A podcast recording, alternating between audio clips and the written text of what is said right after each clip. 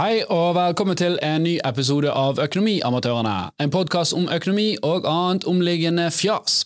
I dag så er Jan Tore ikke med oss. Han har premiere på eh, Skal vi danse, holdt jeg på å si. Uh, Ingenting å tape. Showet hans så har premiere i morgen. Det er syv shower, så det er utsolgt i morgen, men gjerne få med dere de andre showene. Men vi har fått en utrolig flink stand-in som er veldig relevant. Uh, det er Jo Endre Reite som er direktør i BN Bank, så han skal fortelle oss hvordan tenker banker, hva kan man gjøre for en best mulig boligrente? Hva tror vi om renten fremover, og hva ellers kan man gjøre med økonomien sin? Så dette blir kjempebra, så følg med.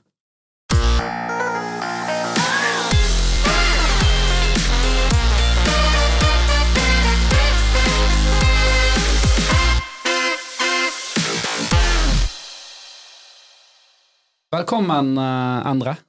Takk. Ja, Endre Jo Reite. Ja. Det er navnet. Jo Reite. Hvor eh, kommer det fra?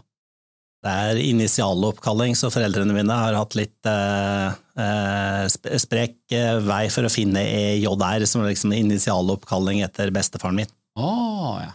Er det, det er uvanlig måte å ha et etter- etternavn på, ikke det? Det er veldig uvanlig å ha Jo etter Endre. Ja, jo Endre ville kanskje være mer naturlig, Ja. sånn som du introduserte meg i sted. Ja, ok, jeg sa Jo Endre, men det er Endre Jo. Det går utmerket godt, Ja. begge deler. det er muskelrefleksen. Uh, men ja, Torstein, du er med oss i dag. Ja, jeg, jeg er med. Ja. Du var litt uh, under the weather i går, hørte jeg, men Ja, eh, litt, litt i dag eh, også, men uh, river meg opp av sengen for å komme på podden, vet du. Ja, det er bra. På de minuttene i kjendislyset. det, det jeg ble faktisk gjenkjent på bystasjonen i sted Ja. av en kar som stoppet oss og sa at det var utrolig gøy å høre på podden. Ja, ja. Jeg Så- fikk det samme i helgen på klubb. Ja, Stilig. Shout-out til Vegard. Um, veldig bra. Vi har en Chili-episode i dag med deg, eh, Endre, så vi skal jo prøve å eh, liksom, forvirre sansene litt, da, slik at du frigir deg litt fra tøylene og forteller oss liksom, alle disse bankhemmelighetene. da.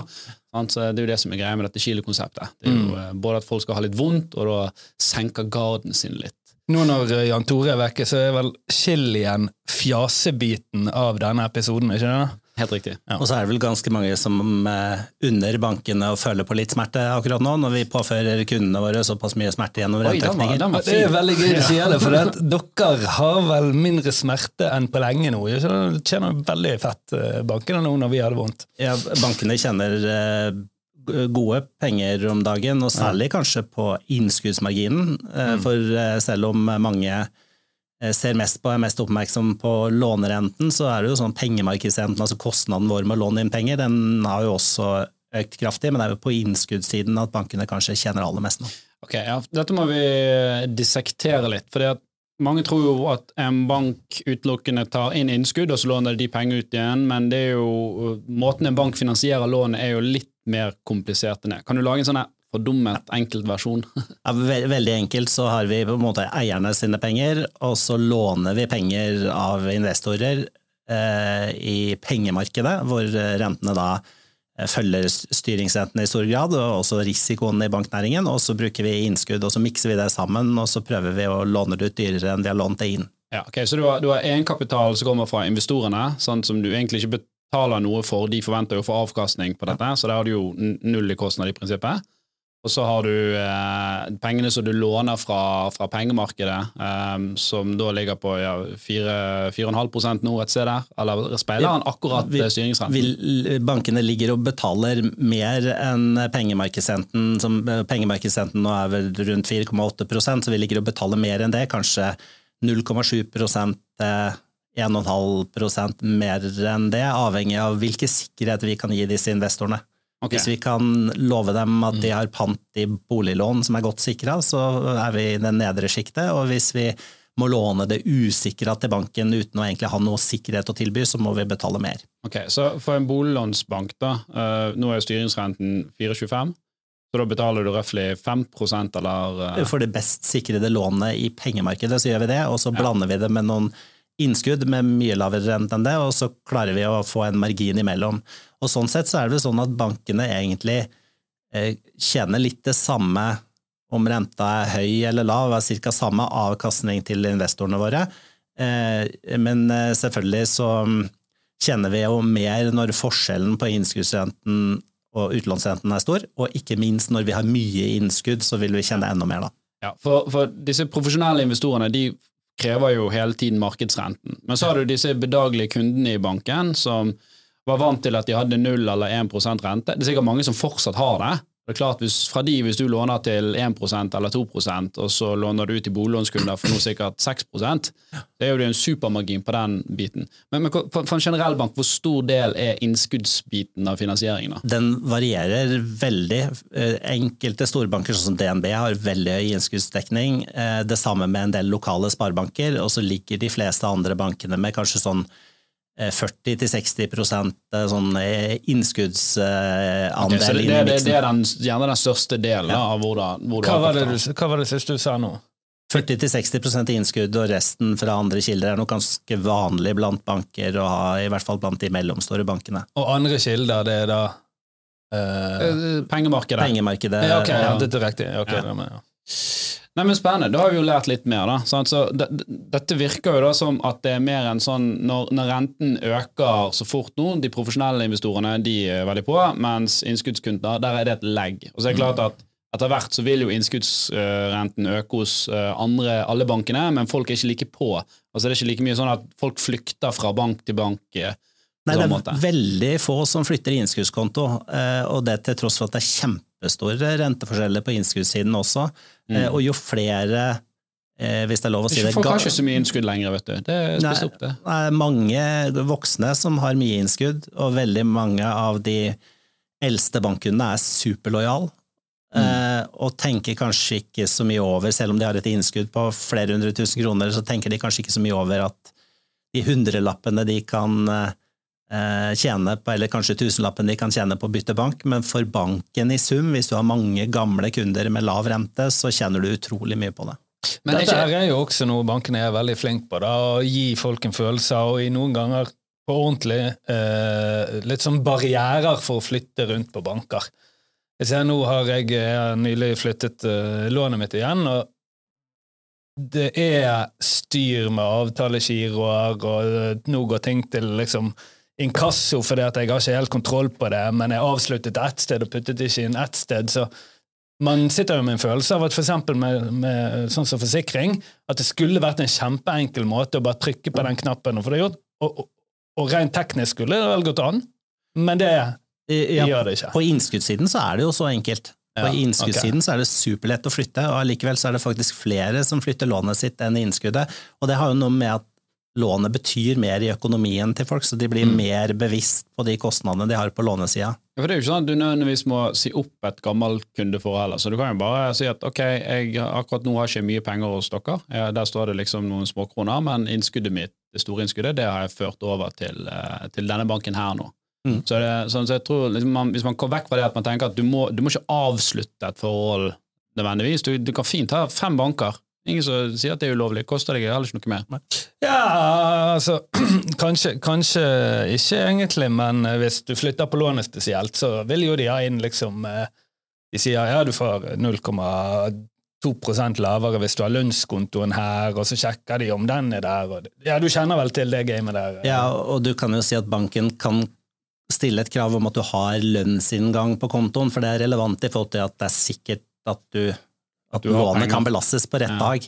Men de kan ikke si noe om du velger å bruke en annen bank som hovedbanken din, egentlig har et Nei. kort i en annen bank òg. Og de store innskuddene er det eh, og ingen som setter noe krav om at man skal flytte med når man bytter Nei, lånebank. Klart, ja. mm. Og da vil det være ulike banker som kanskje er gode på aller best lånerente og aller best innskuddsrente. Mm. mm. Ja, for de gangene jeg har utbytteslånet mitt, så jeg har fått det at banken sier ja, vi vil helst du flytter over. Så sier ja, ja, ja, og så gjør jeg det aldri, var jeg helt ærlig. Eh, altså Så lat jeg, jeg liksom Sparebanken Vest var den banken jeg eh, fikk først. Nå har vi S-banken som felleskonto, men det er bare latskap at jeg har det som hovedbank. Nå har jeg faktisk lånet mitt hos Sparebanken Vest, da, ja. for det er noe av de best tilbud. Men, men eh, det sjeldne tar med det bryet liksom, med å måtte ha et uh, mm. nytt bankkort og ny PIN-kode og legge inn dette nye kortet da, på alle disse subscription-tingene jeg har. Sant? Det er det. Mm. Så Derfor er det vanskelig hvis jeg flytter til DNB, og de sier ja, vi helst at du flytter liksom lønn og alt sånt innover så kan jeg liksom si det at ja, ja, vi får se på det, uh, men jeg gjør det aldri. Og så handler det litt om hvordan vi i bankene behandler de som har innskudd òg. For det, siden vi vet at de er sløvere, så er det jo fristende for en bank å da lage kule nye tilbud og nye produkter med høy rente som du har ute på internettet for å få nye kunder, mens du da kanskje glemmer å rydde opp og gi de samme vilkårene til de kundene du har. Okay. Ja, det, det, det, det har, Kule nye produkter i en bank. Hva tenker du på? Eh, du, kan- eh, du kan jo lage et produkt som du kaller eh, grønn spar eller super, okay, sånn, ja. superduper spar eller noe annet. Ja, okay. så det er ikke samme innskuddsproduktet som eksisterende kunder har, så de får ikke automatisk den renten. da. Og det er en spennende ting òg, for det vi ser er at når man forsker på det, så ser man at hvis du ser mange annonser for banken din, og for gode tilbud fra banken din, så blir du faktisk mer sløv i forhold til å sjekke hvilke vilkår du har sjøl. Ja, for du bare tenker at eh, den banken har gode ting. Det må være bra siden Ja, det er så mye reklame. Ja, ok. Ja. Men, men jeg, får, jeg vil, vil touche på det i sted, for du sa jo dette at eh, Eller banken er jo veldig rask med å skru opp eh, utlånsrenten, Eh, men er det ikke litt sånn urettferdig at de ikke da samtidig skrur opp innskuddsrenten? Eh, De fleste bankene regulerer nok utlåns- og innskuddsrenten for de kundene som er der allerede samtidig. Og når renta øker, så har du egentlig to valg som bank. Altså Enten så kan du på en måte markedsføre den gamle renta di på lån i eh, de to månedene frem til du regulerer den opp, og liksom late som du er billigere enn du er, eller så kan du være på en måte ærlig dyr fra starten og fortelle at eh, hvis du kommer som ny kunde, så kommer den høyere renta her til å være det du skal betale. Og der varierer det hvor flink banken er til å få frem. Men er det skrudd opp for noen, altså bare så lenge de har sendt varsel til at nå settes renten opp, kan de fortsette å reklamere med den lavere renten? Det fins det... banker som gjør det, men det, det er klart at da skulle du ha beregna effektiv rente dag for dag, da, for etter Ja, hvert som du vet at, du vet at om åtte 100 uker sikkert om Ja, det er vel seks uker, ikke det som er varsel? ja, ja, ja, to måneder nå, men, men, okay. men om, eh, om sju-åtte uker så vet du at denne kunden som kommer inn på denne annonsen, kommer til å få en høyere rente automatisk. Ja, så det, det, det, er en, det er en falsk effektiv rente du blir oppgitt, egentlig? da? Det kan en, være en falsk Ja. effektiv rente, og da kan det være fristende for banken å si vet du hva, vi er ærlige på at eh, det blir dyrere for deg ganske snart, så vi bruker den nye renta, men det påvirker ikke, eh, påvirker ikke renta til de som er kunder i banken allerede. Ja. Mm. Og så er det jo den andre tingen som er spennende, at på innskuddsrenter så har det jo variert hvorvidt bankene følger opp med like stor endring, og det er jo det som betyr mest over tid. Altså øker du renta like mye på innskudd som på utlån, og øker du den for alle kundene, eller øker du den bare på noen nye, kule produkter? Ja, ok. Sånn så vi, vi øker utlånsrenten med 0,25% mens innskuddsrenten låner, øker vi bare med 0,1 for eksempel. Ja, og så kanskje Eller. noen kule produkter på toppen for 0,3 i økning, Ja. men der er det så lite penger at det betyr ingenting i forhold til Folk følger ikke med til å flytte over der, men da kan man markedsføre det kule produktet ut for å tiltrekke seg nye kunder. Det, det er ganske fascinerende, sant? for det, det, penger er jo egentlig et ganske homogent produkt. Sant? Vi kan snakke om at ja, rådgivning og alt dette her ekstra som du kan få, men i prinsippet så er jo det ganske like produkter de forskjellige bankene har, men det er tydeligvis et sånn, sånn spill her da, som foregår sånn, med hvordan man skal få denne public perception om hvem som er billigst og hvem som har best betingelser, og, og, så utnytter man kanskje litt det at kunder syns ikke dette er kjempesexy, eh, og dette er ikke det som er det gøyeste å liksom hele tiden følge med på, og, og, og da klarer man over tid med store volumer å skaffe seg ganske store marginer da, på at folk eh, ikke gidder å følge med. Ja, Hvis man ønsker å utnytte den muligheten som bank, så kan man kjenne styggmye på å egentlig da prisdiskriminere mellom kundene sine. Mm. Men når du, som, når du som eh, enkeltkunde, hvis jeg som kunde skal liksom følge med på om min bank utnytter disse mulighetene, så vil jo jeg få brev hver gang man foretar endringer. sant? Så da skal jeg bare kikke på hva er forskjellen mellom eh, kostnadsøkningen på lånet mitt og eh, inntektsøkningen på innskuddet mitt, hvis jeg hadde hatt en million på begge sider. Ja, Hvis du har én million på begge sider, så kan du enkelt følge med sånn. Og så kan du også følge med litt på disse nye, kule produktene som eh, bankene dine markedsfører. Eh, For hvis de markedsfører lavere rente til noen andre, så er jo vi i Norge super eh, eh, eh, glad i å følge regler. Mm. Så de vil jo veldig ofte ha funnet på noen regler for liksom, nei, dette er for de som er mellom 26 og 35, og du er 36, så derfor så får du det ikke. Mm. De reglene er jo egentlig bare også konstruksjoner for å prøve å prisdiskriminere og segmentere ja. mellom kundene. Ja, så rett og slett prøve å ikke gi tilgang til de lønnsomme kunder du allerede har. Du vil ikke kannibalisere de, Eh, så du prøver å finne ut hvilke kundegrupper her er det vi kan markedsføre til som, som ikke nødvendigvis Ja. tærer på, på inntekten vår. Ja, ja, målet er nettopp det å prøve å finne andre bankers kunder. Ja. Okay, Men- vi, eh, vi, må, vi må komme til første saus. Du skal få stille spørsmål, men vi må, vi må komme Ja. i gang med sausen. Ja, eh, ellers blir Markus helt eh, crazy på oss. Ja, ja, ja. Um, den første sausen er jo dritforbanna-sausen fra, fra Pål uh, Gladsø som var med her. Han donerte jo et par flasker til oss. Så Sausen som svir litt i kjeften. Ja, ja. ja. Sausen som svir litt i kjeften. Uh, så vi okay. holder med den. Ja. Um, jo, det jeg skulle spørre spørre om Munnen full av skampe, men eh, Når du sier disse kule produktene, og du er jo veldig dypt inne i bankverden, er det dere som kategoriserer de så kule, eller har dere en markedsundersøkelse som sier at dette syns folk er fett? Eh, eh, men bankene, har jo, bankene har jo ganske mye eh, ressurser, sånn at man bruker jo det som er av verktøy for å finne ut hva som klikker og hva som trender. Ja, okay. Prøver å finne segmenter hvor det er andre banker som lykkes. Og da kan man finne på noe er, Min bank er nok ikke så god på å finne på så mye kule produkter, men, men da kan man da finne en nisje. Grønt har jo vært en sånn nisje. For da tror du at folk kobler banken til en grønn bank, liksom? Altså det forandrer, forandrer imaget til banken også? Ja, det er et sug i banknæringen for å ha noe du kan putte en eller annen grønn merkelapp på, uten at det nødvendigvis forandrer så mye på hvilke kunder du gir lån til, eller måten du driver forretninger på. Men, men investorene våre forventer at vi gjør noen sånne grønne ting, så vi må sikkert også komme på noen grønne ting, da.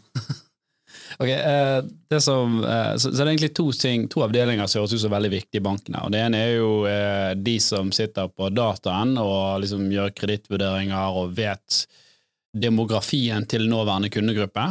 Så de kan si at denne kundegruppen her, her er jeg veldig sterk, ikke fuck med den. Her er jeg veldig svak.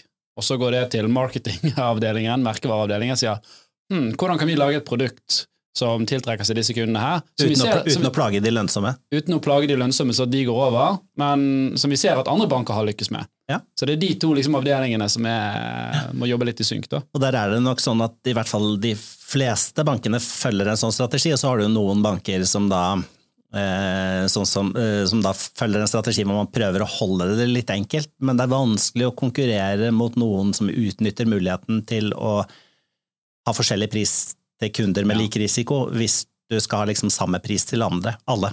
Ja, hvis jeg skal liksom analysere det på et høyere nivå, så har du, du har liksom to måter da, å, um, å bygge konkurransefortrinn, eller, eller trekke til deg kunder. Det ene er jo selvfølgelig at du, du tilbyr billige produkter. Mm. Du, du konkurrerer på pris. Sant? Det er jo et kjent eh, konsept, som typisk bankene gjør.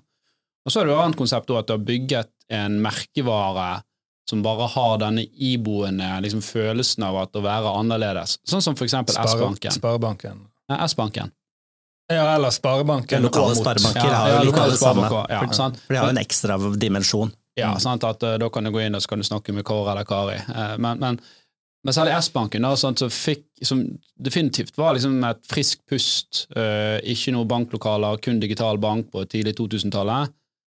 Men de har jo blitt nest, altså akterutseilt av en del andre digitalbanker, men det er fortsatt de som eide den posisjonen med å være liksom den hippe, kule uh, early adopter. Jeg er hos S-banken, så trenger jeg ikke bry meg om noe, for der er ikke det gebyrer. Sant? For det var liksom enkle konsepter som folk kunne relatere til, så hang fast. Ja, og de vant jo egentlig banknæringens eh, liksom, Eller posisjonen i banknæringen på nettopp å gå inn på det med at man i gamle dager betalte 2000-3000 kroner i gebyrer på brukskontoen sin. Mm.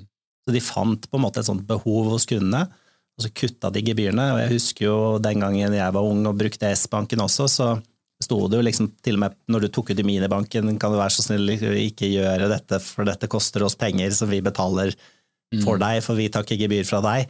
Så de fikk jo en sånn unik posisjon gjennom at eh, de andre bankene var for treige på å skjønne at eh, hverdagsbetaling ikke eh, At det var en sårbar posisjon og noe man kunne miste. Jeg tror jeg gikk over til S-banken for uh, 20, 15 år siden i hvert fall. Fordi at jeg ble så irritert når jeg så at det hadde kostet meg 35 kroner hver gang jeg foretok et uttak i USA. Ja. Og det var bare jeg, Hvem har ikke dette? De tar jeg. Mm. Og så klarte de på en måte gjennom det, til tross for at det er et ganske lite beløp folk betalte, så var de så irrit stor irritasjon for meg og andre å se disse hundrelappene som forsvant av kontoutskriften din. Så tok de den posisjonen. Nå er det jo sånn at det er eh, tilnærma gratis med betaling i Norge uansett hvilken bank du bruker. Betaler nå bare, det er veldig få steder du betaler for noe særlig annet enn bankkortet ditt. Så nå er den posisjonen ikke mulig å ta. så Hvis du skulle innovert på betaling nå, så vil du ha en utfordring med at det er ikke så mye kostnader for kundene igjen å innovere på. Da. Mm. Spennende. Uh, rentebanen, nå var den opp uh, eh, 4,25 ved sist renteheving. Det kommer vel en ny en i desember. Uh, da vil du ha en styringsrente på 4,5. Uh, higher for longer, det var jo det de sa i USA her. Altså renten må forventes å være høyere og lengre. Så må man alltid ta det med en klype salt når Norges Bank sier det, for de, de må jo få oss til å tro på det. Det er et psykologisk spill, det. Det er et psykologisk spill, og hver, de litt. hver eneste gang så har de alltid sagt higher for longer rett før de ser at det er nok, og så blir det uh, lower faster. Men det er jo en balansegang, da, for de er jo avhengig av å ha den tilliten også. Og hvis, det, det de, hvis de alltid driver med signaleffekt uten å, å, treffe på det, så vil jo den tilliten forsvinne også. Ja, men det glemmer vi så fort. Vi glemmer nok ganske fort, og så okay. kan det jo hende de får rett, men det jeg tror, er jo at eh, veldig mange husholdninger egentlig først nå i høst merker fullt ut hvor mye dyrere alt er blitt. Um, at det først er nå utover mot jul i år at du kommer til å se jeg vil se de første tegnene til at uh, noen banker sliter med de yngste kundene, at de ikke klarer å betale lånene. Det var oppslag i dag i avisen om inkassosaker på unge kunder. Mm. Uh, og at når det tårner seg opp, så tror jeg nok kanskje at vi får en litt sånn moderert rentebane. Det, kommer til å bli en sterkere ettervirkning av det de har gjort, enn det jeg tror de ser for seg. Mm. Nå, nå øh, jobber du i bank, så du har jo sikkert disse tallene ganske greit for deg. Uh, er sparepengene begynt å, å, bli brukt opp? Har alle brukt opp avdragsfriheten sin? Eh, det er eh, veldig liten endring i sum hos oss i forhold til andelen som har avdragsfrihet. Så det er økt med et par prosent, eh, andelen som har avdragsfrihet. Men det er jo fordi at det er veldig mange husholdninger som ikke trenger det. Mm. Det er en, en, fjerdedel av de som har boliglån som er i en situasjon hvor de har en veldig presset økonomi. De begynner å ha brukt opp alt av buffere, og vi ser dessverre at en del av dem også tar opp eh, kortsiktige kreditter og forbrukslån for å holde det gående. Er dere proaktive da å ta kontakt med kunden og f.eks.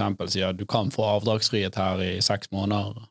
Vi prøver i hvert fall å være veldig tilgjengelig for kunden, har nå også eget gjeldsombud og sånn for å prøve å selge inn muligheten til å kontakte banken for å finne løsninger. Mm. Eh, et eksternt gjeldsombud som da liksom er uavhengig av oss, og som også kan finne løsninger som vi ikke nødvendigvis er kjent med. Da. Mm.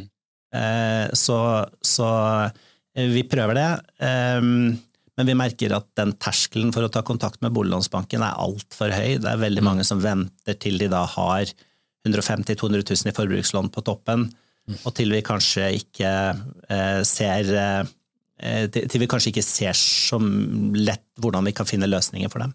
Ok, Spennende. Vi, vi tar en ny saus. Det er fortsatt dritforbanna. Nå er det ørefik, så en buffalo wing sauce så skål med scampi igjen. Buffalo wing sauce på en scampi. Men nå hører jo alle om Alle har jo liksom hører at det begynner å, å sprekke litt i bunnen. Hvilke utslag vil vi se eh, for oss hvor det fortsatt flyter ok? Går det utover boligprisene, Er det andre? Det, det, er mange som sitter i en veldig vanskelig situasjon nå, som har mellomfinansieringer på boliger, og som da sitter med at mellomfinansieringen på en helt vanlig bolig er kanskje 50 000-100 000 kroner dyrere i året enn den var for bare noen år siden. Um, og som er under et sterkt press fra bankene på å kvitte seg med to hus og komme seg ut av det. Mm. Uh, og en av de tingene som jeg er redd for, er jo at bankene skal presse på for hardt og skape en slags sånn panikkstemning fordi vi tvinger kunder til å selge fort, um, for vi, ønsker å trekke til oss fingrene og unngå risiko, ja. eller at vi kanskje ikke er villige til å stille opp for de som har lyst til å kjøpe i det markedet vi har nå. Så du sier at det kan finnes uh, fantastiske kupp der ute, drevet av ja, bankenes hastighet til å få pengene sine tilbake? Ja, den rare tingen vi ser nå, er jo også på nyboligprosjekter, at det finnes nyboligprosjekter som legges ut til lavere pris enn i 2021. Um, kjøpt opp av investorer typisk da, og så ville investorene kvitte seg med det. Sånn du, du har muligheten for å hvis du bruker litt tid og gå i ro og mak og finne drømmeboligen, og en av de farligste tingene man kan gjøre når boligmarkedet en gang tar av igjen, er jo at du får sånn hastverk at du ender opp med å være misfornøyd med det du har kjøpt. Mm. Det er jo én av sju, én av åtte som etterpå kanskje ser for seg at de burde ha kjøpt noe annet i, når boligmarkedet koker. Nå kan du i ro og mak finne ut om det er rett bolig for akkurat deg. Jeg må få lov til å si at disse de, Den var ikke sterk. Nei, men de, de var milde, men de var veldig gode. Så bra, da. Den første var litt bedre enn den andre, Synes jeg. Det var nesten så jeg ville bytta plass på dem. Ja. Ja, ja, sånn, ja. ja. Men, men, da, men da kjører vi på med, med en er i gang. Dette er da Vestland-chili. Eh, Florida, Florida, eller Florida. Jeg tror det er, ja, det er vel Florida, siden det er Vestland. Passer like godt til pizza og taco som til is. Okay. Ikke Scampi, altså.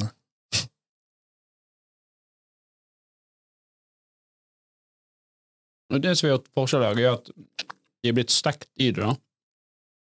Jeg syns at de blir mildere, da, faktisk. Ja, Kanskje det har ødelagt hele chili challengen dere med å steke opp. og da Vi får igjen til slutt. Det var jo ikke noe i det hele tatt. så Det var jo bare godt, det der. Ok, men um, Ja, for du, du har jo skrevet litt artikler om akkurat det der at bankene må ta et uh, ansvar uh, nå, da. Så det er jo liksom din appell til de at nå må ikke vi liksom dumme oss ut og gjøre det som bankene alltid gjør, og være kjipe mennesker når folk trenger oss. Ja, og det så vi jo eh, kanskje spesielt i finanskrisen i 2008. Eh, Det var i stor grad banker som var med å presse folk til å selge boliger utover våren 2009. Ehm, Da var det lite som ble solgt, og de få tingene som ble solgt, ble solgt langt under de tidligere takstene og kjøpesummene. Men det så jo allikevel bare ut som en sånn liten knøttliten hump. Ja, det, det, I ettertid er det jo en knøttliten hump, men Ja. midt oppi den panikken hvor det var 20-25 prosent, var ikke Ja, i- i- 15, kanskje 15, 15% prisfall på det verste. Men det var prisindeksen som falt. Og det var fordi de fleste satt i ro. Nesten, nesten ingen fikk lån til å kjøpe, og bankene pressa som bare rakkeren på de som eh, måtte selge. Ja. Eh, og det er litt av det samme jeg er redd for nå, at du overdriver fallet med at bankene presser frem salg til veldig lave takster, ødelegger enkelthusholdninger sin økonomi Mm. og skaper en panikkstemning som jeg tror de fleste ikke tror det er grunnlag for på litt lengre sikt. Da. Men, men hva skal banken gjøre da hvis det er en familie som bare Beklager, vi, vi klarer ikke å betale dette her. Altså bør, bør man ha sånn at man kan ok, vi kan øke det til fra 30 år til 40 år nedbetaling? Altså, er- finnes det Ja, ja, man kan gjøre det. Man kan Er det mulig, er det mulig å få 40 det er, år? det, det er jo ingen, ikke noen mange banker som gjør det. Det betyr ikke så mye, for det, sånn som avdragene er nå, så er vi jo nede på rundt en prosent i avdrag på de rentenivåene vi får nå i året av, av lånebeløpet. Så det betyr nok ikke all verden. Men hvis det sitter kunder i en mellomfinansieringssituasjon, så kan du gi dem lengre tid på å selge. Tørre å ta litt risiko sjøl, tørre å utsette rentebetalingen til de har solgt på mellomfinansieringslånet. Og prøve å finne sånne løsninger. Ehm, og ikke minst være litt mer uredd på kunder som har god betjeningsevne, men som eh, mangler litt sikkerhet i forhold til å kunne gå inn og kjøpe noe nytt nå, fordi de kanskje da ikke får solgt det de har for den prisen de hadde sett for seg. Men tenker du da å benytte denne her 10-15 %-regelen, Ja, eller er det noen ja, andre regler? Ja, bankene har jo igjen mye av den avvikskvoten sin. Når du bruker litt mer inn Kan du fortelle den til de som ikke vet Ja, hva det er? avvikskvote. Vi har lov til å gi eh, 8% i Oslo, 10 eh, utenfor eh, i lån som avviker mot disse grunnreglene som, som, er, eh, som er regulert i Norge, om at du ikke kan få lån over fem ganger inntekt og ikke over 85% av boligverdien din, mm. og at du skal betale avdrag hvis du er over 60 belåning. Vi har lov til å gi unntak, vi bruker ikke fullt ut opp den kvoten for å gi unntak. Det er lov å nærme seg grensene litt mer når vi er i en så spesiell situasjon vi er nå, syns jeg, da. Hva er motivasjonen bak å ikke gjøre det, da? Jeg ville trodd at jeg ga dere mer innskudd. Nei, eller utlån, utlån. Det er jo fordi at uh, i banker så er vi veldig glad i å følge regler, så hvis du får en sånn, uh, rist, eh, en sånn liste du ikke skal rive, og du må liksom være over, så ønsker du å gjøre det med litt klaring. Så du ønsker liksom i verste fall i verste fall, hvis vi har maks uflaks, så skal vi i hvert fall være innafor. Mm.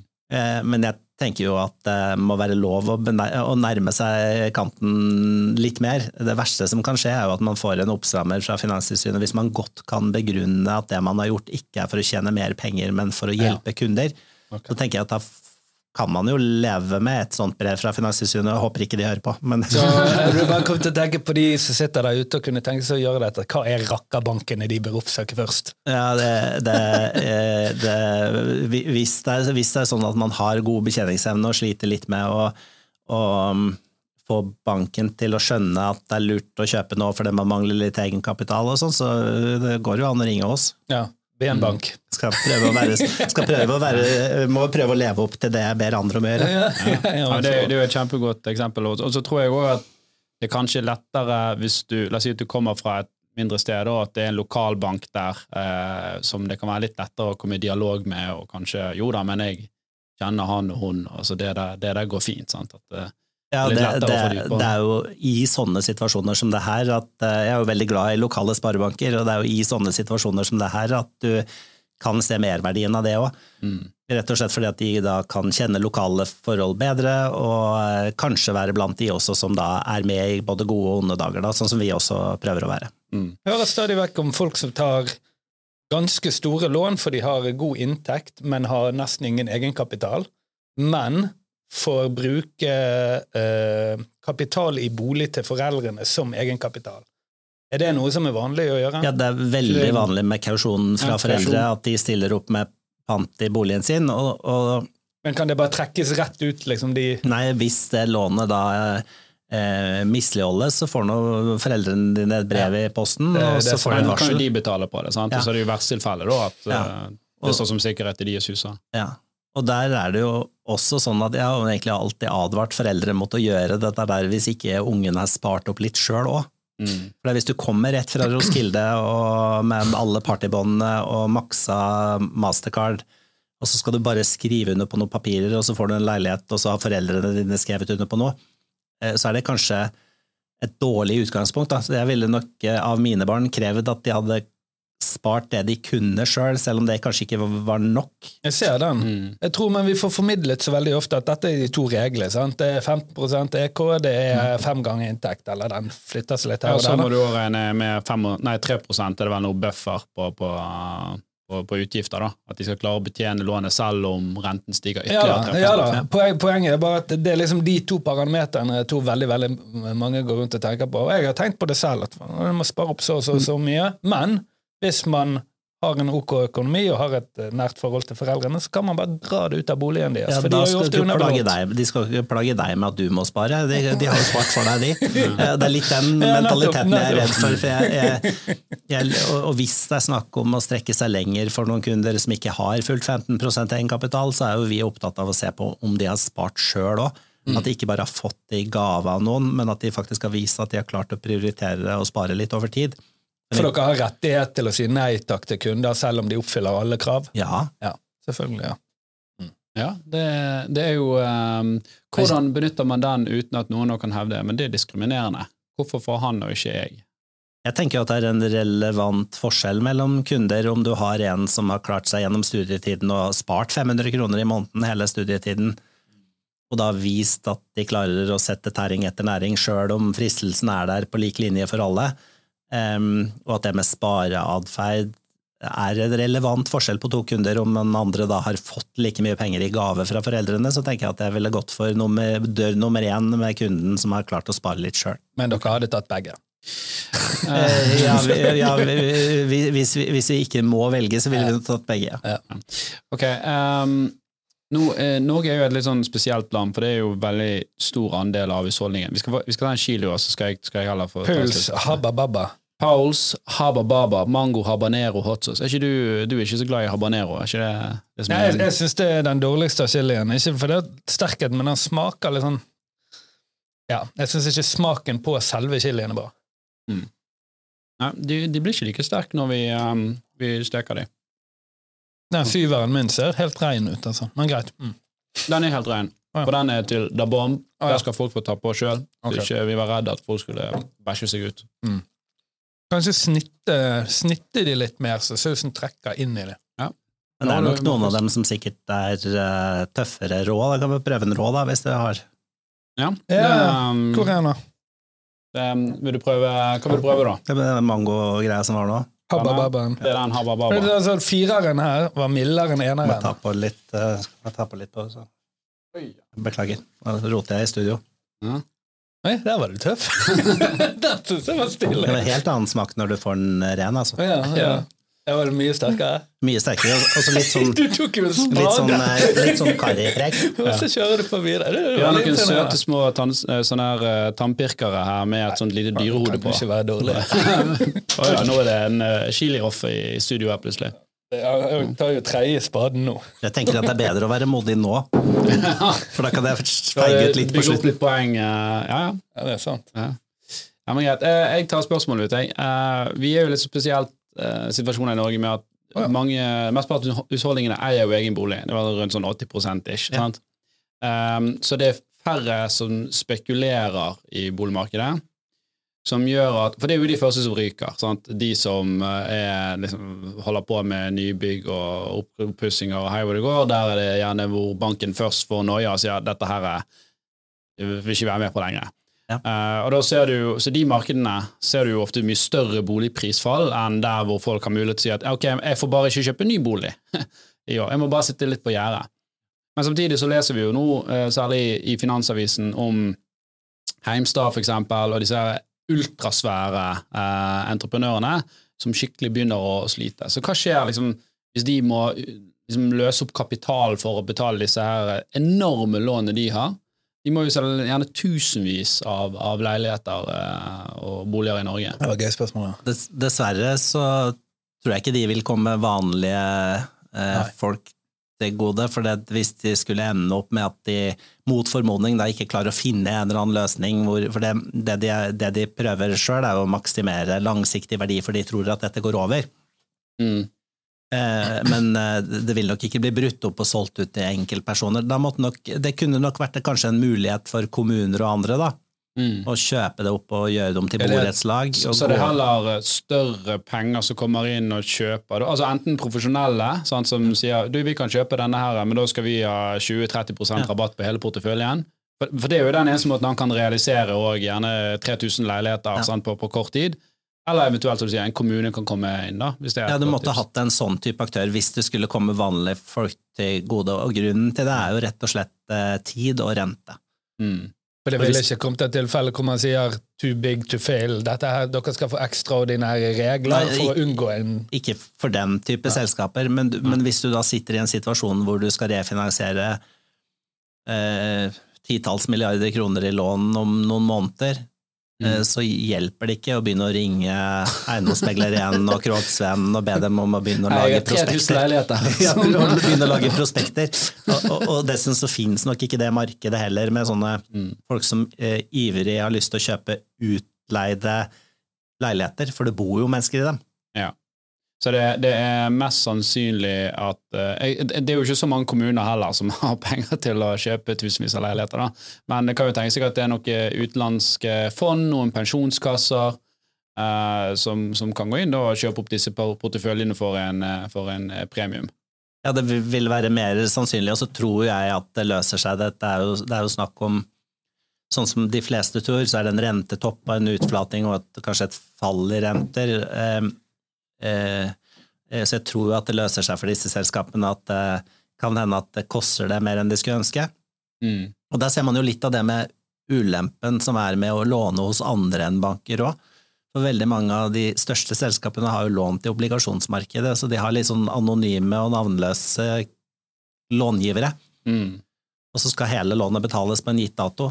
Eh, hadde de vært kunde i en bank, så hadde det kanskje vært lettere å finne fleksible løsninger, men samtidig så har de da spart penger når det var gode tider, for det var billigere å låne direkte i pengemarkedet av profesjonelle investorer enn gjennom banken. Da. Ja, sånn, så dette er jo ikke Man kan jo forhandle gjerne med, med kreditorer der òg, men det er mindre sannsynlig at det fører fram. Ja, I et vanskelig marked så vil det nesten alltid være én eh, vriompeis som ikke har lyst til å utsette noe betaling, og som ikke er interessert i å endre på noen avtaler, så da får du et litt annet spill enn hvis du da har eh, lånt gjennom en bank som da kanskje eh, for, en, for én bank så vil jo en sånn type kunde i liksom 10 milliardersklassen og sånn kunne være litt sånn too big to fail, så du strekker deg ganske langt for å unngå at, det- Mm. unngå at det går galt, da. Ok, nå skal vi ta Torstein sin spesialsaus. Denne sausen har Torstein laget. Den som du skal smake på nå. Brukte en hel, hel lørdag eh, kveld på det, Han ble jævla skeptisk og sa Torstein sin saus. Det var sånn. Den er, den er litt mer uh, Litt krutt i den. Nå fikk vi òg um, Torstein var så hyggelig at han tok litt uh, direkte dabs på, um, på skampene våre her. Ja. Så denne kjenner jeg um, Steg opp. Ja, det var et steg opp. Men den, men den um, frisk og fin. hittil så syns jeg faktisk at det var denne eh, gule sausen som smakte i sted med litt sånn karripreg også, som var mest spennende. Ja, men sånn, den var ja. ikke sterkest, nei. Den her var litt sterkere. Ja. mm. Det tok litt mye på min, tror jeg. Du har rett og slett bare rebranda en annen flaske her, du, for å ta ære for det. Nei, han har lagd den selv. Det har du? ja. Ja, ja, ja. Um, Torstein har levd mange liv. I et av livene så, så var han faktisk kokk i Frankrike. Så han er han kan, han kan He knows his way around the kitchen. Men det er ikke lov til å drikke noe vann før vi er ferdig med testen. ikke sant? Og jeg har drukket vann, så det, det, Ja, er men melk, da, da, sånn, da, Ja. da sier du, da tapper du ut hvis du sier du må melk. Ok, vi går videre. SIFO har jo også kommet med nye tall. De sier at én av fem husholdninger, 20 av husholdninger, um, sliter. Uh, no, de er ille ute, var det vel? Ja. Det er ganske dramatisk. Ja, det er dramatisk, og den største gruppen der er de som er utenfor boligmarkedet, faktisk. Ja. Gradvis så blir det verre og verre for dem òg. etter hvert som utleierne begynner å skru opp, eh, skru opp eh, rentene. I det å eie en bolig så har du jo også en fleksibilitet til å låne, du har noen flere muligheter. Ja, men, Em, altså, bare ta akkurat den, for det, altså, mitt boliglån har jo eh, bortimot nesten doblet seg av det jeg betalte for to år siden. Ja. Husleien har jo ikke doblet seg. Nei, Ja. Eh, men dette er da husholdninger som da har veldig lavt inntektsnivå, mange fra før. Mm. eh, som merker matvarepriser og andre kostnader som eksploderer rundt dem.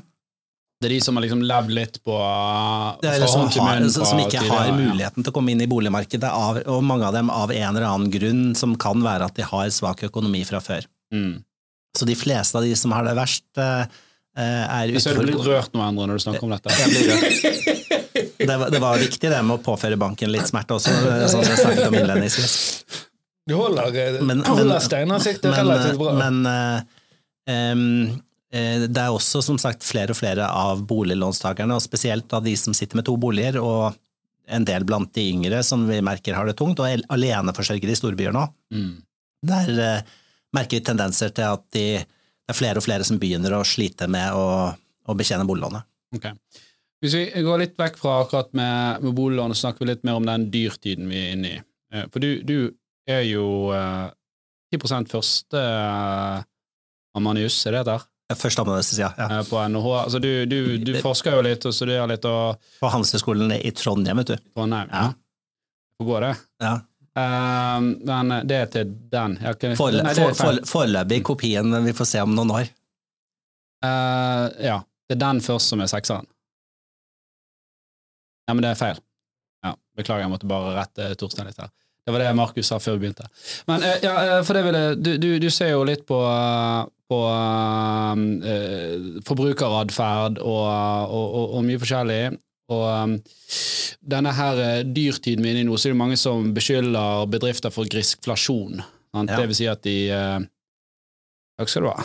De, uh, de rett og slett um, skrur opp prisene mer enn nødvendig i, i, i liksom eh, i, i, eh, i, med en sånn unnskyldning for at dette er inflasjon. Ja. Har, du, har du undersøkt dette? Eller? Eh, Det er, det er faktisk dokumentert at marginene til bedriftene går opp mange Mm. steder, og det, det har vært det sånn Alle har forventet at alt blir dyrere. Men, altså, for Det er jo lett å gjøre det på ting som varer du trenger. Sant? Altså Melk og brød og ting som du ikke kan komme unna. Men altså, luksusvarer har jo ikke akkurat samme muligheten til å gjøre det. Sant? Det er jo kapitalvarer, så ser vi jo kanskje tendenser til det motsatte. Jeg tror det er, eh, det er jo billigsalg på nye biler nå. Mm. De må ut med store rabatter for å lokke folk til å kjøpe. For det første folk utsetter når det er dyrtid sånn som nå, er jo store innkjøp. Mm. Men det er i den eh, husholdningsdelen, altså vanlige dagligvarer og, og hverdagsvarer og produkter du trenger og bruker i det daglige, at man ser tendensen til at du kanskje har tatt i litt mye med, med Ukraina-effekter og andre, at du har liksom dratt på litt, ja. Det kan Ja. være det. Eller så vet jeg et veldig spesifikt eh, eksempel som, som jeg jobber med, hvor vi ikke hadde foretatt noen endringer på tre-fire år. Og når inflasjonen ble så stor, ok, nå må vi bare ta alt i ett jafs. Mm. Sant? Ja, at du det rett og slett har, eh, Du har utsatt, utsatt, det litt, for ja. det har vært så liten prisøkning, men til slutt så har det begynt å bli ganske mange prosent, og da må du Da dra på litt når du først skal endre. Henter du igjen det du har liksom ikke tatt de siste årene, så ser det ut som man har tatt et veldig stort. Men her er det klart, her skjer, det, her skjer jo det begge deler. Ja, ja. Mm. Ok, eh, et spørsmål som sikkert mange lurer på, eller som jeg gjorde sjøl. Jeg flyttet jo eksempel eh, billånet mitt. Eh, nå er ikke det så veldig stor forskjell på renten du får på billån eller boliglån, da. Eh, men eh, Eller jeg vet ikke, kan godt være at billånet er tatt opp eh, betraktelig òg. Men, men jeg flyttet i hvert fall billånet mitt inn i boligen. Um, og, og selv om renteforskjellen ikke var så stor, så, så hjalp det liksom vår økonomi at jeg fikk heller faktisk i en periode nå betale på denne bilen i 30 år, Ja. istedenfor 6 eller 8 eller hva jeg hadde. Og da er du en superlønnsom kunde for banken hvis du ikke husker på å øke avdragene dine når eh, Ja, akkurat nå gjorde det fordi at jeg syns at avdragene ble så store. Sant? At vi, nå må vi ha litt sånn mer, mer rom, rom i økonomien. Men det er klart, hvis jeg bare lar det gå sånn, så er jo jeg en ganske litt sånn øh, Ja, det, det er liksom dumt, da. For det er klart at en bil har ikke 30 års levetid. eh, Nei. Så det er det som er viktig med en sånn type operasjon, at man da tenker over at eh, hvis du da er en som altfor mange som bytter bil hvert eh, fjerde-femte år eh, Vi har ekstremt forbruk av bil i Norge med at folk bruker bilen kort tid og har den de dyreste årene og så har lyst til å selge den til noen andre. Mm. Men, men da er det viktig det der med å putte i kalenderen din allerede nå om, om halvannet år, sjekk om renta har falt og øk avdragene. Hva, hva tror du kommer til å være normalrenten hvis vi går en to-tre år frem i tid? da?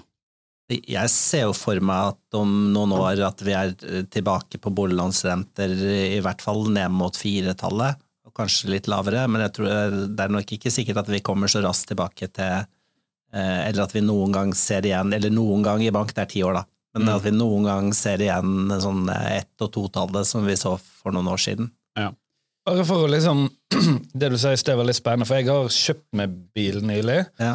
Og jeg tok jo ikke billån, jeg tok bare direkte høyere belåning i boligen min. Ja. Og jeg tenkte bare, ok, hvor får jeg lavest rente på dette lånet? Selvfølgelig å ta det inn i boligen. Men ditt poeng er at jeg bør, skal jeg gjøre dette på riktig måte, finne ut hvor lenge denne bilen kommer til å leve, og øke avdragene i den perioden såpass uh, mye at jeg faktisk betaler ned bilen Ja. mens bilen har verdi. Det er det du bør tenke på, for ellers så bygger du opp gjeld fra gang til gang. Så hvis du da Men du eh, vil jo fortsatt være under den belåningsgraden i Ja, boligen. Hvis boligprisene fortsetter å stige og inflasjonen er høy som spiser av tyngden av gjelda i fremtiden, så er det jo ikke noe kjempestort problem, men det du skal tenke over er jo at hvis du da betaler noen titusener i avdrag på boliglånet ditt i året, og bilen din taper seg med 40 50 60 000 kroner i verdi i året, så bygger du opp gjeld. Ja, nei, det var kjempelurt. ikke- Bilen din spiser på en måte opp egenkapitalen din eh, Ja. i, i boligen din. Ja. da. Ja, Så plutselig så får du en lekkasje på badet, og så skal du låne opp til det, og så har du Nei, der er bilen din. Ja, For hva er egentlig problemet, sånn som ting er nå, da? Hva er egentlig problemet med å ligge og vippe på sånn nei, 70-80 belåning hele livet? Nei, Du kan, si at, det, du, du kan si at det største problemet er jo mangelen på fleksibilitet hvis noe skal skje. Ja, ok. Så, så det, er Bufferen det, er jo- det, er jo eh, det, spises hele tiden opp, da. det du alltid bør tenke på, at det å ha rom for å endre på lånet, det å komme seg ned mot en belåning på 60% så du kan ha avdragsfrihet hvis du trenger det, um, og velge det sjøl, og ikke måtte spørre banken om det, uh, det er en veldig stor fordel. Jeg ser jo sånn som en mor som sitter med har hatt ganske sånn rolig økonomi, aldri tatt seg for, liksom, råd til for mye.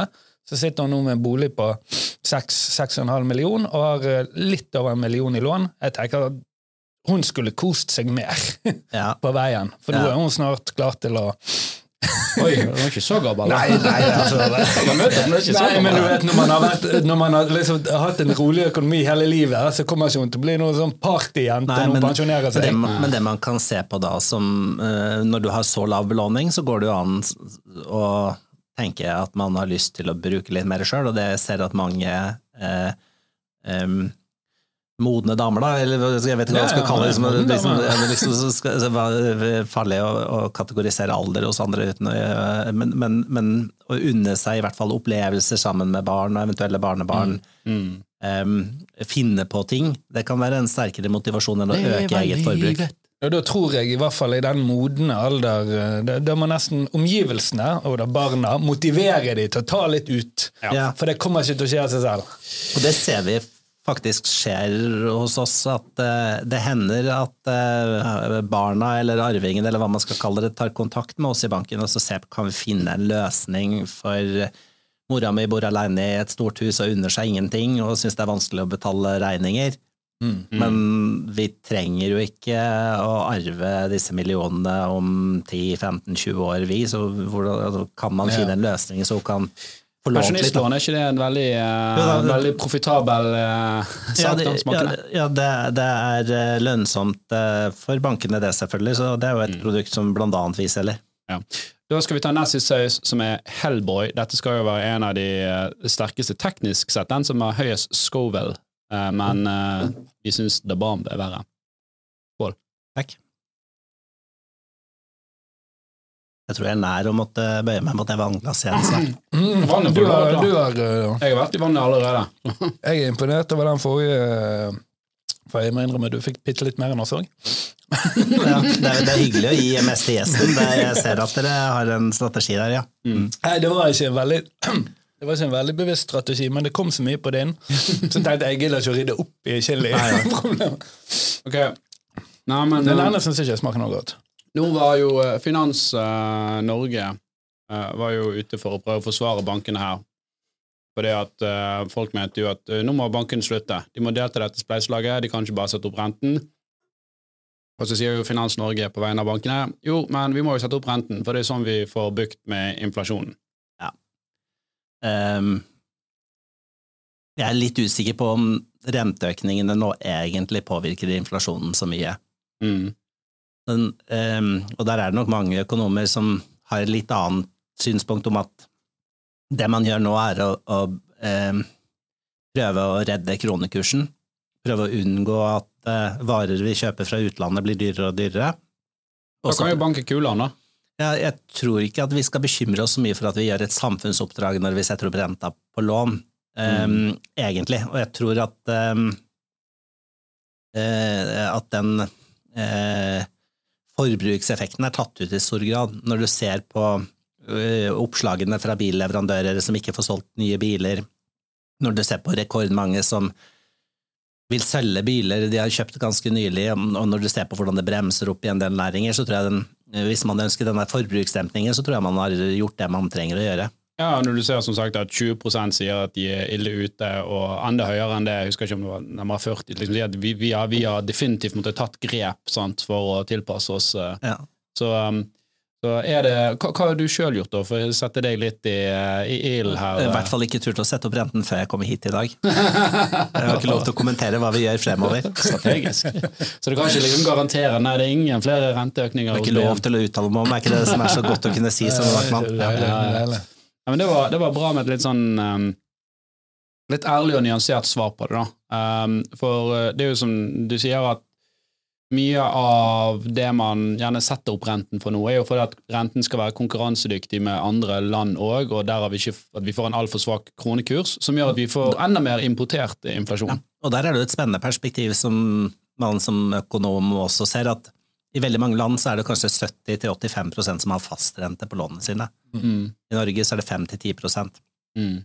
Så hvis Norges Bank skal vinne en sånn renteøkningskonkurranse mot utlandet, så påfører de husholdningene mye mer smerte i Norge direkte med å sette opp renten enn i andre land hvor det bare er en liten andel som endrer på fastrenteavtalen sine hver måned eller hvert halvår. Mm. Og det er jo kanskje litt av det som kan være et dilemma òg, at um, Men jeg er helt sikker på at Norges Bank kommer til å hensynta det når vi ser at inkassotallene på boligland øker, og når vi ser at det blir vanskelig for stadig flere husholdninger når vi nærmer oss jul nå. Men, men vi har jo flere liksom, levers å styre på her. Sant? Det ene er jo at uh, i dag har du en latterlig lav uh, beskatning på rente, og for så vidt boligsalg òg, 22 mens det er 38% nesten, 38% faktisk på aksjer. Så det er jo sånn voldsomt skeivinsentiv der, da. Uh, man, men det betyr jo at du får jo fradrag kun på 22 uh, på rentene dine òg. Så man kan jo på en måte Ok, vi fortsetter å øke renten, men vi øker det du får i fradrag, slik at husholdningene eh, får, eh, får eh, mer rom der. Eller så syns jeg et veldig godt alternativ er bare å øke dette minstefradraget som folk får. I dag har du et minstefradrag på skatteseddelen din på 104 000. Økt opp til 200 000, da. Alle de som tjener lite, altså tjener du 400 500 000, så vil jo det bety ekstremt mye for, det, for din økonomi. Og tjener du veldig mye, så betyr det mindre for din økonomi. Og det er, eh, det er, nok en type tiltak som det er ganske mange økonomer som mener vil være bra som et engangstiltak for å ta luven av prisøkningene og, og dempe renteeffekten på husholdningene hvis forbruket nå er Vi skal jo normalisere oss på en høyere rente enn det vi har hatt. Sant? Du sa ja, nettopp sjøl ja. sånn nærmere rundt 4 skal han ligge, han skal ikke ned på under 2 igjen. Sant? Nei, så, men et sånn, et sånn engangstilskudd til husholdningene er ikke sikkert det ville være en dårlig idé. Du sier eh. engangstiltak og så engangstilskudd. Hva mener du? Altså at man sier at dette skjer i 2024? Ja, Det å øke rentefradraget varig. Jeg mener jo at altså, rentefradrag, altså rentebeskatningen og aksjebeskatningen bør, uh, bør uh, samstilles i større grad. Det er flere grunner til det. For Det ene er jo det at uh, det er altfor profitabelt å investere i, i, bolig i Norge. For der har du lavere risiko i prinsippet og 22 skatt, kontra å investere i nye bedrifter sant, som er høyere risiko og du betaler nesten 40% skatt hvis det går bra. Men det, men det, du ønsker er da egentlig ikke å øke rentefradraget, men det du ønsker er å fjerne rentefradraget, da, eller? Nei, jeg, jeg ønsker at uh, det skal uh, du skal få høyere rentefradrag på altså, rent, for du, du, har jo Rentefradraget og uh, altså, gevinstbeskatning er jo samme. Sant? Det er 22 ja. hvis, du, hvis du tjener på det, og så får du trekke fra 22% hvis du taper på det. Sant? Så jeg ville økt det. La oss si at du heller sier at nei, vet du hva, nå er det 28 rentebeskatning og fradrag på her. Men også, vi har òg dratt aksjebeskatning ned til 28 slik at de hadde vært eh, sånn at det skeivinsentivet for å investere i renter og eiendom ikke hadde vært så sterkt så sterk som det er i dag. Ja, og så kan du si at det skjeve insentivet i forhold til å investere i bolig, da, det er jo hovedsakelig drevet av at gevinsten ikke er skattefri når du har bodd der sjøl. Jo, jo, men nå snakker jeg mer om eh, Oi, oi, oi, det blir voldsomt. Nå snakker jeg mer om de si de profesjonelle pengene. Jeg har jobbet ja. selv med kapitalforvaltning i ti år. Jeg har jobbet som gründer og snakket ja. med investorer. Og da kjemper du hele tiden mot de, ok, hvorfor skal jeg betale, eller hvorfor skal jeg investere i ditt selskap, eller hvorfor skal jeg investere i aksjer, når jeg kan investere i bolig som er så trygt her i Norge, og der har jeg Nå, nå, nå er du veldig tøff, Endre. Ja, men la være litt tøff. Det er ikke det gøy. Være dum. Du trenger ikke være tøff. Uh, andre, han, han, han, uh, han, kommer definitivt på topp på Hall of Flame etterpå. uh, men ja, da, da, er det hele tiden den kampen. Sant? Ok, Hvorfor skal jeg som investor putte pengene mine i, i liksom denne høyrisikoinvesteringen hvor jeg får mindre igjen av gevinsten? kontra bare putte de i, kjøpe en sekundærbolig eller kjøpe en bygård og mm. liksom ha lavere Men jeg tror at det er et, et veldig bra debatt. Men jeg tror at det temaet som er nå, med et litt sånn sårbart boligmarked, litt få kjøpere, litt desperate selgere, eh, er feil tidspunkt å ta den debatten om å forskyve kapital bort fra boligmarkedet. Jo, men du ville jo fått et mye høyere rentefradrag. Det hadde jo vært en konsekvens av dette. Ja. Så du ville jo sittet igjen med mer på, eller, av skattepenger ja. eller inntekten din, eh, hvis du hadde gjort det. Eh, det, det, det, er jo mitt argument. da, ja. For du hadde, du, hadde, du hadde, liksom du hadde samstilt det mer. da. Ja. Så det hadde hjulpet på den kortsiktige effekten at uh, det hadde vært mer rom i din dagligdagsøkonomi. Og den langsiktige effekten er at uh, vi hadde fått litt mer balanse i, i aksje versus boligsparing. Boligsparing er jo helt enorm i Norge i forhold til andre land. Men konsekvensen ville jo da òg vært som du sier, potensielt at folk som går inn i boligmarkedet på, på bakgrunn av den, eh, den, eh, dette insentivet, ville valgt et annet middel. Det er jo, er, jo, er jo, kjempebra, for da slipper du disse her eh, litt sånn stygt ord, eiendomshaiene sånn, som gjør kjempegod business på å kjøpe opp eh, leiligheter og konkurrerer ut vanlige folk. da som ønsker å kjøpe leilighet. Du kan ta én brannfakkel der, og det er jo eh, disse eh, boligflipperne eller hushaiene også. fordi at Én ting er at de fortrenger andre fra markedet og har en uheldig virkning der, men en av de tingene de har gjort, er jo faktisk å hjelpe til å få igangsatt veldig mange nyboligprosjekter. Ja. For Det er veldig, veldig få i Norge som har lyst til å kjøpe noe som de ikke har sett. Mm. Og når du som utbygger skal selge 60 leiligheter eh, i Bergen, altså et prosjekt, Mm. så er det jo sånne eh, haier som da kanskje har gått inn og kjøpt flere leiligheter, og som har gjort at du har kunnet få satt spaden i jorden, og så har du kunnet selge resten til andre. Så de har to Ja. effekter, de òg, selv om det er på en måte en negativ side, så er det ingen som snakker om den positive siden. Ja da, men akkurat den er grei. Det jeg er mer sånn eh, jeg, har, jeg har jo vært ute og sett på bolig mange ganger i mitt liv, da. Og når du føler du går og konkurrerer mot profesjonelle folk som eh, Oi, her må vi pusse opp, og skal vi flippe denne her, og, sånn. Det er litt sånn ah, kom igjen, gidd, da. Og så legger de 200 000-300 000 mer i budet enn det du gjør, fordi de har en veldig sånn klar strategi på at dette skal flippes, og de har kompetansen på å pusse dette her opp. Ja, det er enig i at det, det er den negative siden. Det er greit å bare, ville bare nevne den positive òg. Ja. Og så er jeg åpen for at eh, man burde gjort noe mer for eh, den skaden som kommer til å skje på mange husholdninger frem mot jul nå, i forhold til at de velger kortsiktige løsninger eller ikke finner løsninger på å dekke kostnadene sine. Staten Den er jo varig, den er varig ja. skade, og det å gjøre noe med det, det tenker jeg at en eh, Arbeiderpartiledet regjering burde tatt muligheten til, da. Jeg var faktisk i Oslo i går og holdt innlegg for næringsministeren eh, på hvordan vi kan tilrettelegge Det var jo hovedsakelig for hvordan vi kan tilrettelegge for gründere og oppstarts- og vekstbedrifter i Norge, da, men da var jeg inne på dette her òg, at vi må ha en bedre samstilling mellom de aktive klassene. Nå skal vi Det er, siste. ikke, det er ikke sikkert dere hører noe mer fra meg etter denne. Vi tok, tok på litt mye, tror jeg kanskje. Du- du Mye mer du har det skal, bare, skal vi bare få ut der.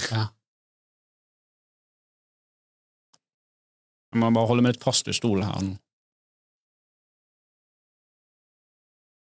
Tårer opp litt nå. Og så smaker ikke han så godt heller. Nei. Smaker litt som røyk. lukter. Smaker litt som noe som skal være veldig sterkt. Mm. Jeg må ta litt vann. Ja. Nei, men det, um, der var du tøff, um, Endre. Jeg ser at du blir litt emosjonell når vi snakker om boligmarkedet. Jeg, jeg blir det. Men um, ok, har du uh, hva, Hvis du skulle gitt en oppfordring til uh, politikerne i dag, da, hva hadde det vært? Hvis jeg skulle gitt en oppfordring til politikerne, så er det først og fremst at det går an å ta grep for å rydde opp i prisdiskriminering i bankmarkedet. Som hva da? Det går an å ta grep som å eh, kreve at bankene rapporterer og synliggjør prisforskjellen mellom ulike kundegrupper, og hva som er begrunnelsen for at ulike kundegrupper har ulik pris. Eh, Så det ville vært bra. Og så tror jeg det andre delen vi snakket om, som kanskje er enda viktigere for mange akkurat nå, er jo å finne bedre akutte tiltak for å hjelpe husholdningene som eh, sliter, eh, og prøve å komme opp med en plan for hvordan man kan gi et håndslag til alle de husholdningene som faktisk har det tungt. Oh, over skatteseddel, eller gi de engangspenger? Nå er det vondt, kjenner jeg. Jeg tror at et, eh, en engangsreduksjon av eller engangsøkning av minstefradraget ville være en god idé. Jeg liker den veldig godt den, for jeg liker ikke veldig godt den der at nei, vi skal ta inn alle pengene, og så skal vi fordele ut fra vår liksom, politiske ideologi hvem som skal få, og hvem som ikke skal få. Det er et godt poeng. Jeg liker mye bedre at Selv om, selv om de aller fleste deler jo ikke, altså deler ikke ut fra sitt politiske ideologi i den grad at Nei, men det blir så valgflesk. Det blir sånn- Ap? ja, det blir De sånn- skal få, det er jo ikke ja, sånn. Eh, Det, det, det er mer det jeg mener, da. At det, man, Ja. man, enkelte grupper i samfunnet som kommer veldig mye bedre ut av det enn andre. Og det er jo ulempen med rentefradragsmodellen nå, at det er mange som ikke eier bolig, som også har det veldig tungt. Ja. Om du kunne nå på en annen måte. Jeg merker jeg blir opprørt av det. Ja, det er trist. Ja, det. Hvis du skulle, ok, og så er det siste spørsmål. da. tema for dere. Hvis du skulle gjort noe eh, Ja, Endre har sprengt hot sauce-skalaen vår, Markus, som kommenterte her på Facebook. Uh, hvis du skulle gitt et tips til forbrukere, da, hva hadde det vært? Jeg tror at mange øh, følger med på markedsføringen til banken din og prøver å oppdatere deg på hva som er det beste de tilbyr, og krever å få det samme er en veldig god grunn til at du ikke skal få det samme. Og den gode grunnen bør ikke være at du har feil farge på huset ditt, eller at du er feil alder, eller noe annet. Eh, For eh, lojale kunder er de som har lavest risiko. Mm. Eh, og lojale kunder betaler altfor mye i veldig mange banker i dag. Og sist, eller ikke det skal ikke jeg bestemme for så vidt, men hvilke kunder er det som bør ta kontakt med BN Bank? For dere er jo en litt sånn mellomsjiktbank, ikke dere det? Ja, ja vi, er, vi er i hvert fall et godt sted å være for kunder som eh, ikke gidder å følge med så mye på hva banken holder på med. Ja. De som er lei litt sånn gimmicks og Ja, for vi bruker mye energi på å passe på at vi ikke diskriminerer mellom nye og gamle kunder. Ja. Eh, Og bruker også penger på å prøve å utligne forskjeller mellom kundene når de oppstår. Mm. Um, så det er et godt sted å være for de som ikke gidder å passe på banken sin så nøye. Dere hørte det her. Endre Joreite, direktør i BN Bank. Utrolig sporty av deg å stille opp her i en Chili Challenge. Og jeg kan si at du har vært den tøffeste av alle deltakerne her. Tøffere enn meg og Torstein òg. Og så- ja, ja. Og så er det lovet på Facebook at vi kanskje kan få resten av rekene, men jeg tror ikke jeg skal ta den siste sausen. Hvilke likte du best? Var det den currysaken? Ja, den nest Habba siste. babba. Ja. Ja. Mango står det. Men jeg håper dette var i hvert fall nyttig for de som hørte på. Uh, at man fikk noen tips, man fikk litt forståelse for hvordan en bank tenker, hva som er, kan være greit å gjøre sjøl. Og ja, Tusen takk igjen, eh, Endre, og eh, vi snakkes neste uke. Få med dere showet til Jan Tore hvis dere vil kjøpe billetter. Så er det premiere i morgen. Ha det bra.